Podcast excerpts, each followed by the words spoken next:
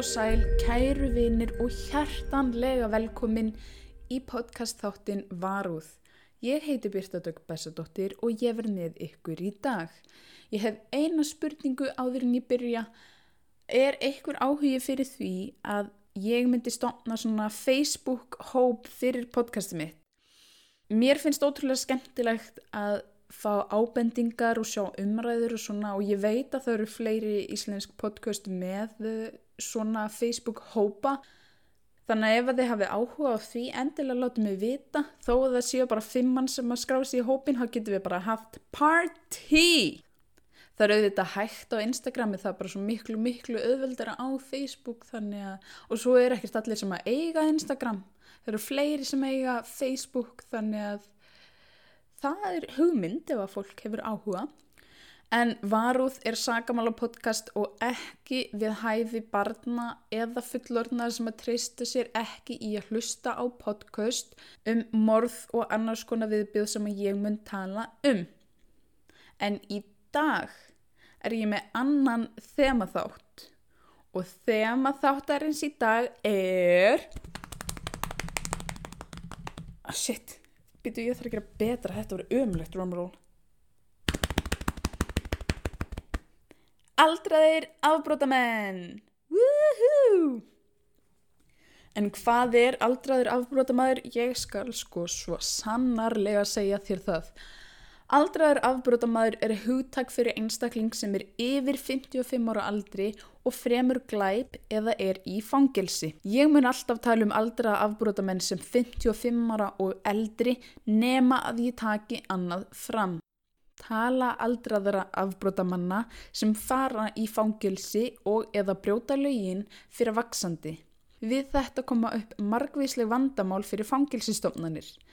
Þessir einstaklingar þurfa yfirleitt meiri og betri heilbreyðistjónustu þá meðal annars líkamlega, andlega og félagslega hjálp. Einnig verðist fangilsisvist flýta fyrir öldrunaferlinum sem að mér þykir bara alveg skiljanlegt.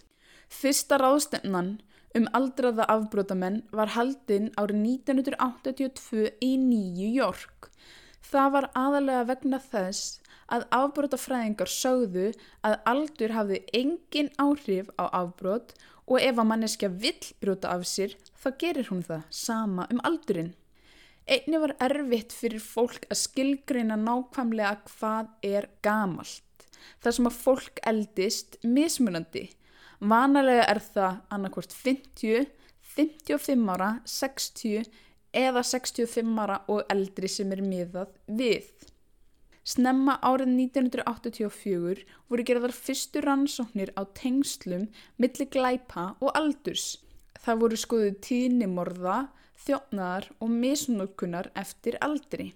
Fólk spurði sig einni að því hvort að fólk ætti að fá mismunandi dóma eftir aldri. Rannsóknir gerðar í Mariland í bandaríkjónum leittu í ljós að prósenda aldraðara afbrótamanna yfir 55 ára aldri hafi farið úr 4,9% árið 1990 í 6,8% árið 1997 og árið 2001 spáði fulltrúar Maryland því að árið 2005 myndur umlega 225.000 aldraðir einstaklingar sæta fangilsisvist og árið 2012 voru það 246.000 aldraðir afbröðamenn í fangilsum viðsvegar um bandaríkin. Aðal vandamálinn og þá meða ég við bandaríkin við að fangilsa aldraða einstaklinga voru þrjú. Heilsa, aðlugun og þróun refsiverðra tilneyinga. Segji það hratt fimm sinum, ég geta ekki. Heilsa segir sig svo sem sjálft, en það er resastort vandamál innan veggja fangilsinsins því fangar í bandaríkunum fá vanalega ekki fjármagn frá ríkinu fyrir heilbriðstjónustu og kostar það því fangilsi þresva sinni meira að hýsa fanga yfir 60 ára aldri heldur en yngri fanga. Einni eru aldraðir afbröðamenn margir með langvarandi sjúkdóma og þurfa því að vera alltaf á livjum sem er aukinn kostnöður. Númer tvö er aðlugun. Aðlugun er erfið fyrir aldrað fólk og sérstaklega í fangelsum. Rannsóknir síndu að aldraðir afbrotamenn sem eru fangilsaðir í fyrsta sinn upplifa meiri kvíða og eiga miklu erfiðara með að aðlaðast heldur en yngri fangar.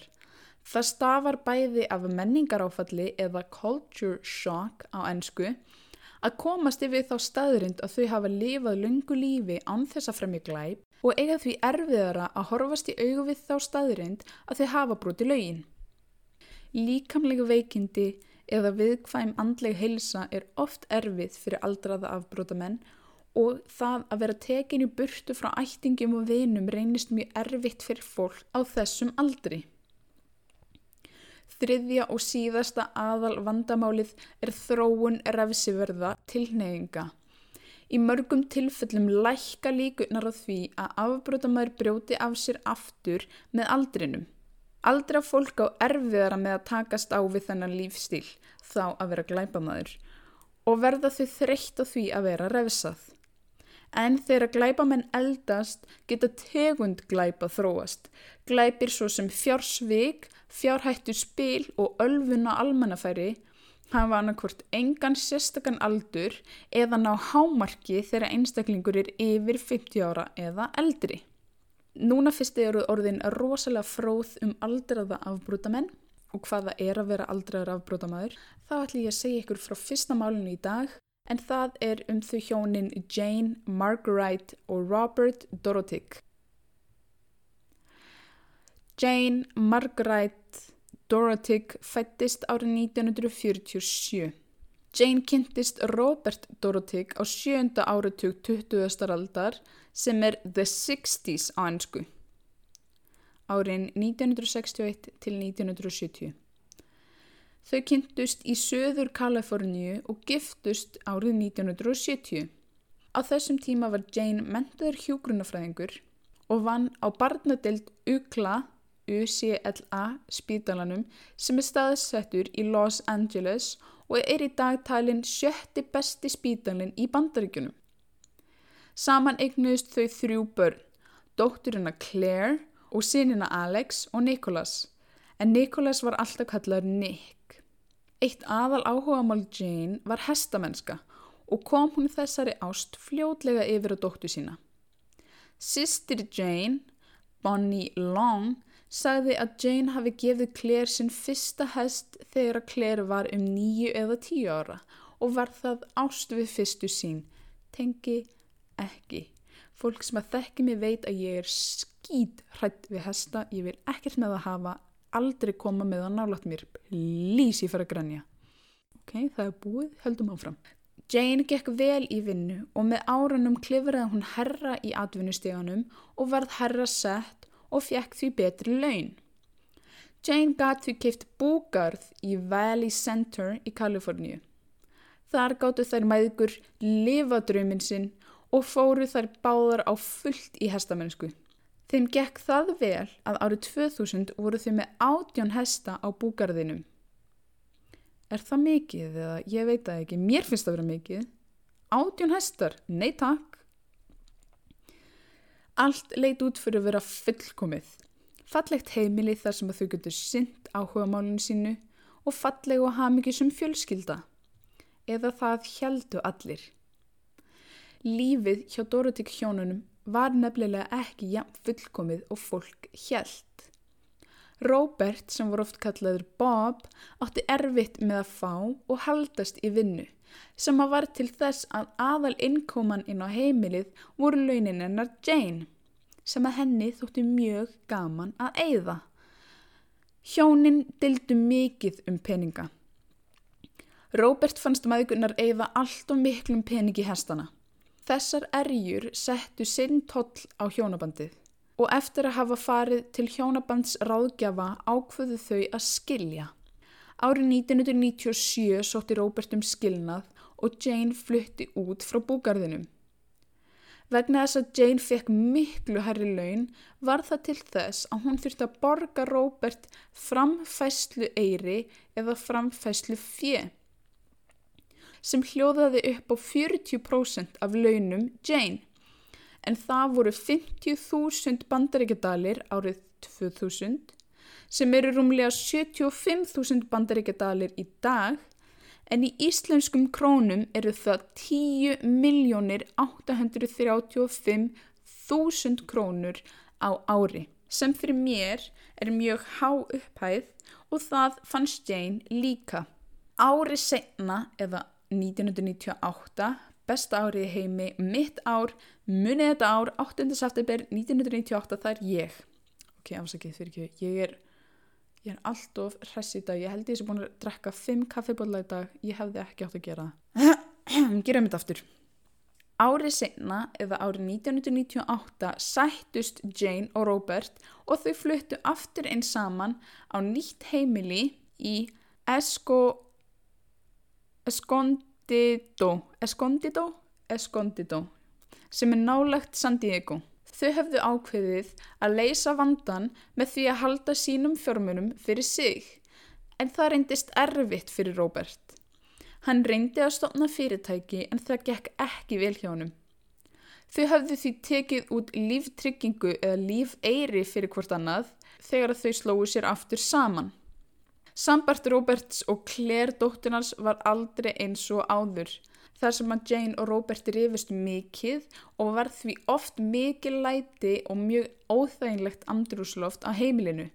Sko, ég er ekki skilnaðabann, ég er mjög heppin að eiga mjög geggjaða og æðislega fórildra sem að ég hef aldrei í mínu litla lífi heyrti rífast, ekki einu sinni, en ég held að ef að fólk á í erfileikum og er að rífast dægin inn og dægin út að það sé bara betra fyrir börnin. Að því það er svo oft sem að fólk segir að við erum bara saman fyrir börnin við erum að hugsa um börnin. Ég held að í alvegurinn það sé bara betra að skilja í staði fyrir að vera að setja börnin í þessa aðstöðu þegar þið skiljið hvað mína en þetta er bara sko frá mér. Ég hef enga hugmyndum hvað ég er að tala um. Kannski er miklu betra að vera saman en í sundur Það var þann 13. februar árið 2000 þegar Jane Dorothea ringdi í laurugluna og tilkynnti að Robert, sem var þá 55 ára, væri tindur. Hún sagði lauruglunni að hann hefði farið út að skokka nokkrum klukkutímum áður en hefði ekki skilað sér heim. Lauruglan og Jane voru áhugjufull um að Robert hefði fengið hjarta áfall eða einhver hefði keirt á hann. Fjölskylda og vinir Jane umkringdu hanna og veittu henni stuðning meðan að lauruglu þjónar leituðu í hverfinu.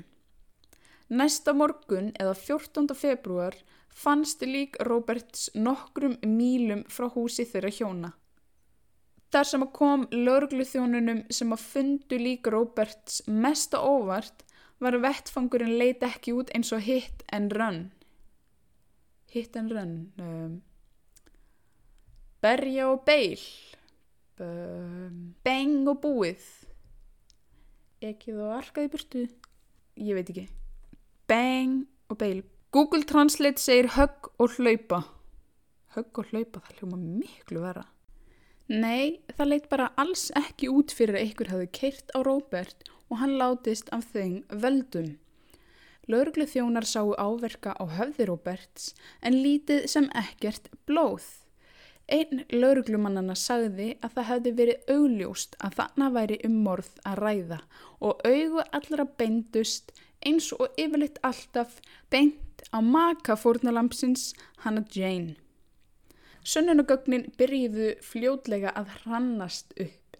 Á vettfangnum voru þrjú mismunandi dekkjaför og fótspor sem að pössuðu við bíl að gerðinni Ford F250. Vitið þið hver átti Ford bíl að gerðinni F250? Jane. Jane átti þannig bíl. Ekkert blóð fannst á buksum, ból, nýjaskóm hans Roberts en það fannst partur af hársverði hans inn á bólum hans, einnig tveir blóðblettir og mikið magn sörs í nærbuksum hans eins og ekkur hefði klætt hann í eftir að hann lest. Einni fannst gífurlegt mann af blóði í hjónaherberginu sem að hefði verið reynd að þrýfa upp. Blóðið var á golfinu, á veggjónum, á teppi í herberginu, á loftinu og undir dínunni. Eitthvað gekk á, skal ég nú segja ykkur, í loftinu. Þú veist hvað, hvað, já. Jane sagði að blóðið væri eftir blóðunasi sem að Robert hafði fengið en rannsóknulegurugla sagði að Robert hafi dáið hefði hann mist svona mikið blóð. Ég hef aldrei fengið blóðunasir en hvernig getur þú fengið það miklar blóðunasir að blóðið spýst bara þú veist upp í loft og á teppið og veggina og undir dínuna. Nei, ég kaupi þetta ekki. Kaupi þetta ekki Jane, reyndu aftur. Í kassa í hjónaherberginu fannst spröyta með róandi livjum fyrir hesta. Á spröytinni var einnig blóðugt fingrafar eftir Jane. Blóð fannst á flöskum með hreinsefnum í stofuskáp og einnig í skottinu á bíl sem var notaður á bílinu. Þegar að erfðaefni var skoðað kom það í ljós að um var að ræða blóð og Robert. Réttamínafræðingur gaf út að dánar orsök Roberts hafi verið áverkar með egglausu, barefli og kirking. Þrýr djúpir skurðir fundust á höfði Roberts, tvö á hægri hlið höfursins og eitt aftan á höfðinu. Hann var með sára höndum eins og hann hefði reynt að verjast og réttamínafræðingur sagði að líklega hefði Robert ennþá verið lifandi þegar hann var kyrtur. Sérfræðingur sagði að höggin á höfðinu líktust mest sárum eftir hamar. Í maga Roberts fundust matarleifar og gaf það rétt að minnafræðingi að Robert hefði látist á tímabilinu senkt lögdagsnótt til snemma sunnudags morgun. Það voru að minnstakosti 15 klukkutímum áður en að Jane tilkynnti hann horfin. Jane sagði lauruglu að Um klukkan eitt eftir miðinætti sagði Robert henni að hann ætlaði út að hlaupa. Hún fór í hlöðuna og sá hann ekki fara. Þegar Jane kom aftur klukkan fjögur var Robert ekki enn komin heim og þegar hann var ekki ennþá búin að skilja sér klukkan fimm hefði hún farið út að leita en ekki fundið tangur nýja tetur af honum. Þá hefði hún hringt í lauruglu. Jane var handtekinn þrem dögum eftir morðin þann 16. februar 2000 þá 53 ára gömul. Jane neytaði sög og hafði áður sagt alminning að hún væri saglus. Áður hann að réttarhöldin byrjiðu hafði Claire, dóttirinn, verið dregin inn í málið. Það sem að meira var, var að verjendur Jane skelltu sökinni yfir Claire og sögðu að hún hefði myrt pappasinn. Claire ákvað að vikna ekki á móti mömmu sinni svo að verjundur Jane gætu ekki notað það sem hún sagði á mótinni. Það sama gerði sýstir Jane, Bonnie Long og maður sem að vann á búgarðinum. Í mæ árið 2001 ári eftir morðið á Robert voru réttarhöld yfir Jane haldinn. Jane neytaði að vikna með sjálfur sér og sagði ekkert en bræðurnir þeir Alex og Niklas vittnuði en á móti móður sinni og sögðu að foreldra þeirra hefðu oft reyfist um peninga. Gífurleg sönnunagögn voru á móti Jane og Lawson taldi sig líka hafa ástöðu fyrir morðinu. Jane vildi ekki borga Robert næstum helming launa sinna og taldi það auðvildustu leiðina að myrðan. Vörninn sagði hins vegar að raunverulegi morðingin væri hún 20 ára Claire. Vörninn sagði að Claire hafi verið hrættum að Robert myndi taka hestana frá henni. Einnig sögðu þau að fjárvistasönnun Claire hafi ekki verið skoðuð nógu vel. Kviðdómurinn deildi í meira en fjóra daga og endan var Jane dæmt fyrir mandráp af ásættu ráði og þarf hún að vera í fangelsi að minnst að kosti þanga til 2025. Claire gaf út bók sem að heitir No secret so close, a true story of a father's murder, a mother's betrayal, a family torn apart and the horses that turned it all around. Pú! Þetta er lengsta nafnabók sem ég hef nokkuð tíminn heyrt. Ég reyndi að lesa þessa bók en ég vildi ekki kaupa hana. Ég tímdi ekki að kaupa hana. Ég las á netinu að bókin veri miklu meira um hesta og hestamennsku heldur en... Uh, morðið sjálft þannig að ég beilaði strax ég tók það ekki eins og mál Claire skrifar mömmu sinni líka reglulega bref sem að mér finnst mjög fallegt en það vil svo skemmtilega til að þann 23. apríl árið 2020 23. april síðastlegin var Jane Dorothea tímabundið sleft úr fangilsi. Það var vegna þess að hún var í miklum áhættu hópi um að fá COVID-19, COVID-19, vegna aldurs hennar og einni vegna þess að koronaveiran er hvað algengust í fangilsum. Hún á að vera hjá sýstusin í Los Angeles og þarf að vera í sjálfskeipaðri sóttkví í tvær vikur og einni að vera með GPS staðsendingatæki um ökkulinn. Henni hefur ekki verið sleft 100% úr fangilsi, heldur þarf hún að fara aftur eftir 30 daga og á hún næst möguleika á reynslu laust árið 2020. En við bara sjáum til hvernig það verður fyrir hana en Jane hefur alla tíð haldið fram sakleysi sínu og gerir enn. Og þannig er sagan um morðið á Robert Dorothea. Hvað segir ég ekki allir hressir, ef ekki bara halda áfram. Næsta mál er stutt og laga gott og ég er að fara aftur til Finnlands. Ég veit ekki af hverju ég er að gera mér þetta, en gjöru þið svo vel, njótið vel. Antti Veikko Ilmari Sil Silavori Kristur almatur Antti Veikko Ilmari Silavori einnið vektur sem Jammu frændi fættist þann 29. oktober árið 1926 Það er ekki mikið vitað um barnesku hans, já þetta maður, ég hef ekki vitað af þessu nafni en höfist Surprise? Nei, ég veit ekki. Það er ekki mikið vitað um barnesku hans en á nokkrum stöðum kom það fram að hún hafi alls ekki verið nógu góð. Fadir Veikko var mjög drikkfeldur og barði són sinn í bak og fyrir eins og harðfisk. Einnig var Veikko lagður í mikið einhelti í skóla og uppnemdur fyrir að vera lítill og veiklulegur einni vegna þess að hann var mjög oft í skítingum fötum. Skólasískinum hans fann skemmtilegast að líka honum við mörð. Hann var það sem að fólk kallaði mentally retarded eða andlega fatlaður eða andlega þörskaheftur, alls ekki fallegt en það er ekki mín orð, það er það sem að fólk kallaði hann. Á milli 1950 og 1960 var hann dendur í lífstíðarfangilsi fyrir að hafa nöðga fimm ára stelpu og fyrir morðtilraunir. Það kemur allstar fram morðtilraunir í fleiri tölu en ég fann ekkert meira um það. Ekki neitt. Veikko var þó segna hleyft út á reynslu laust. Það hefði fólk frekar átt að láta ógjert því að Veikko tók upp á því að búa til lítið fangelsi heima hjá sér. Hann bjóð til nokkra fangaklefa með rimlum fri glugganum og litlum klósettum en það var aldrei sannað að hann hafi nokkuð tíma notað þetta heimagerða fangelsi til þess að halda börnum fengum.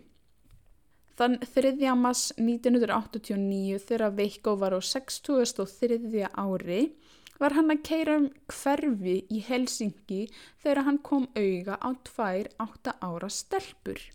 Er Páili Maria Hopauvóri og Tanja Johanna Pirinen voru á raungum stað á raungum tíma.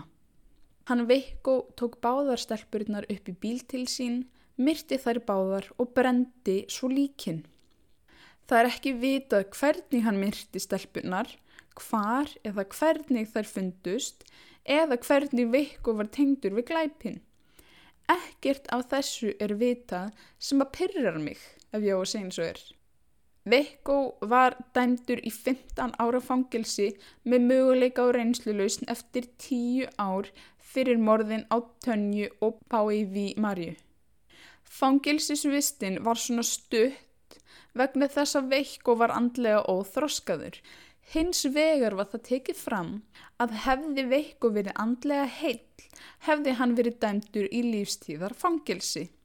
Eftir tíu ár í fangilsi eða árið 1999 sótti Veikko um rinnslulausn tvísvar en var neitað í bæði skiptin. Árið senna, árið 2000, voru hannum hleyft út á mjög ströngu skilorði. Hins vegar var hann strax settur inn á geðsjúkruhús í Kuopjó. Hann eitti restinni af lífinu sínu þar og þjáðist af heilabilunum. Á geðsjúkrahúsinu var ráðist á hann og var árásin svo alvarleg að hann þurfti að vera í hjólastól þar sem eftir var.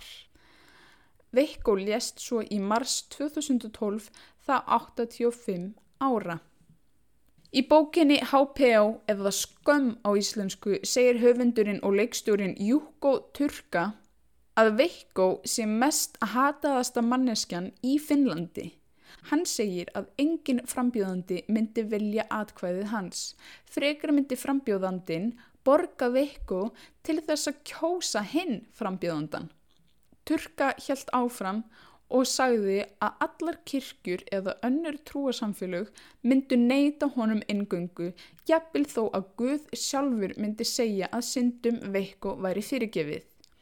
Engin vill neitt frá honum, enga peninga, engar afsaganir eða beðinir um fyrirgefningu. Þessar lýsingar láta mig halda að finnska þjóðin viti eitthvað meira en við hinn. Auðvitað er það ógeðslegt og algjörlega hræðinlegt að drepa ungar stúlkur, tvær átta ára stúlkur sem áttu allt lífið framið fyrir sér.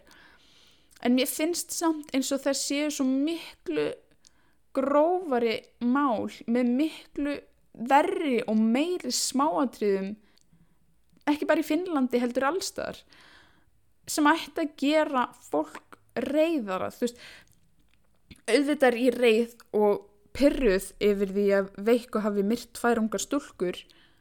En af hverju er fólk þá að kalla hann jammu frenda ef hann neitt, vil neitt með hann gera? Vil þó einhverju vera tengdur við hann eða? Þetta er bara það sem ég hugsa þegar ég er að reyna að somna á kvöldin. Hverju er hann kallaður jammu frendi jammu? Hvað þýðir jammu?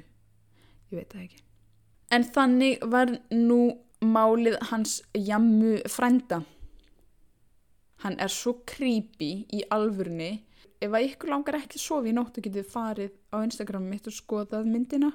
Eða þú veist hann er bara gamall kallskilur síðan er eitthvað sem að á afa sem að lítur alveg eins út og ég er bara OI!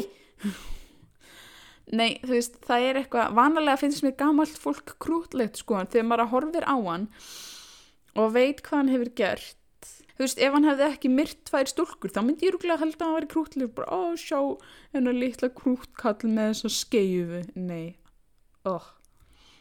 en Herðu, til hamingju Íslendingar með að uh, samkomibanninu sé lokið. Þeir eru heppin.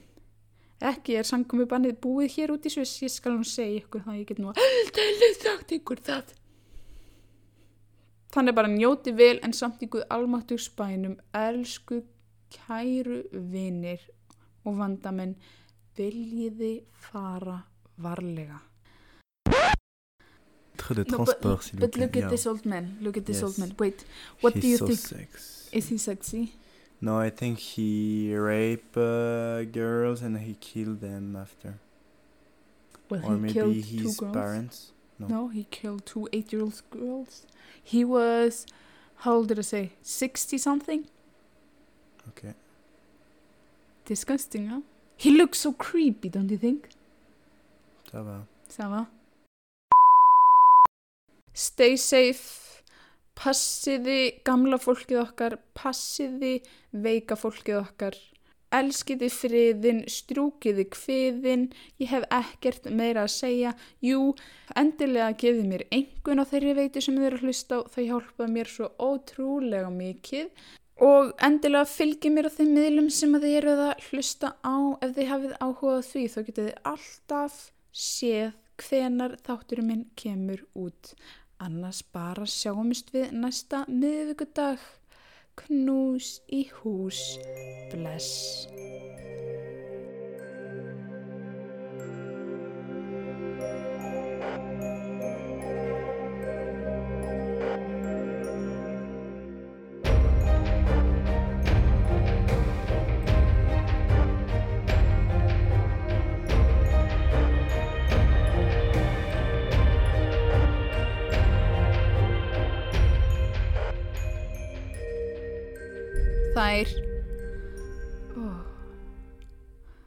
Þær Páli Páli Páili, Páili. Það er Páili Maria Hoppavúri og Tanja Jóhanna Piri, Pirinen. Það er Pá... Ó, ég geti þetta ekki. Ég geti ekki okkur er ég að þessu. Það er Páili Maria Ho, Hoppavúri. Það er Ma, Páli Maria... Það er Páli Maria Hoppavúri.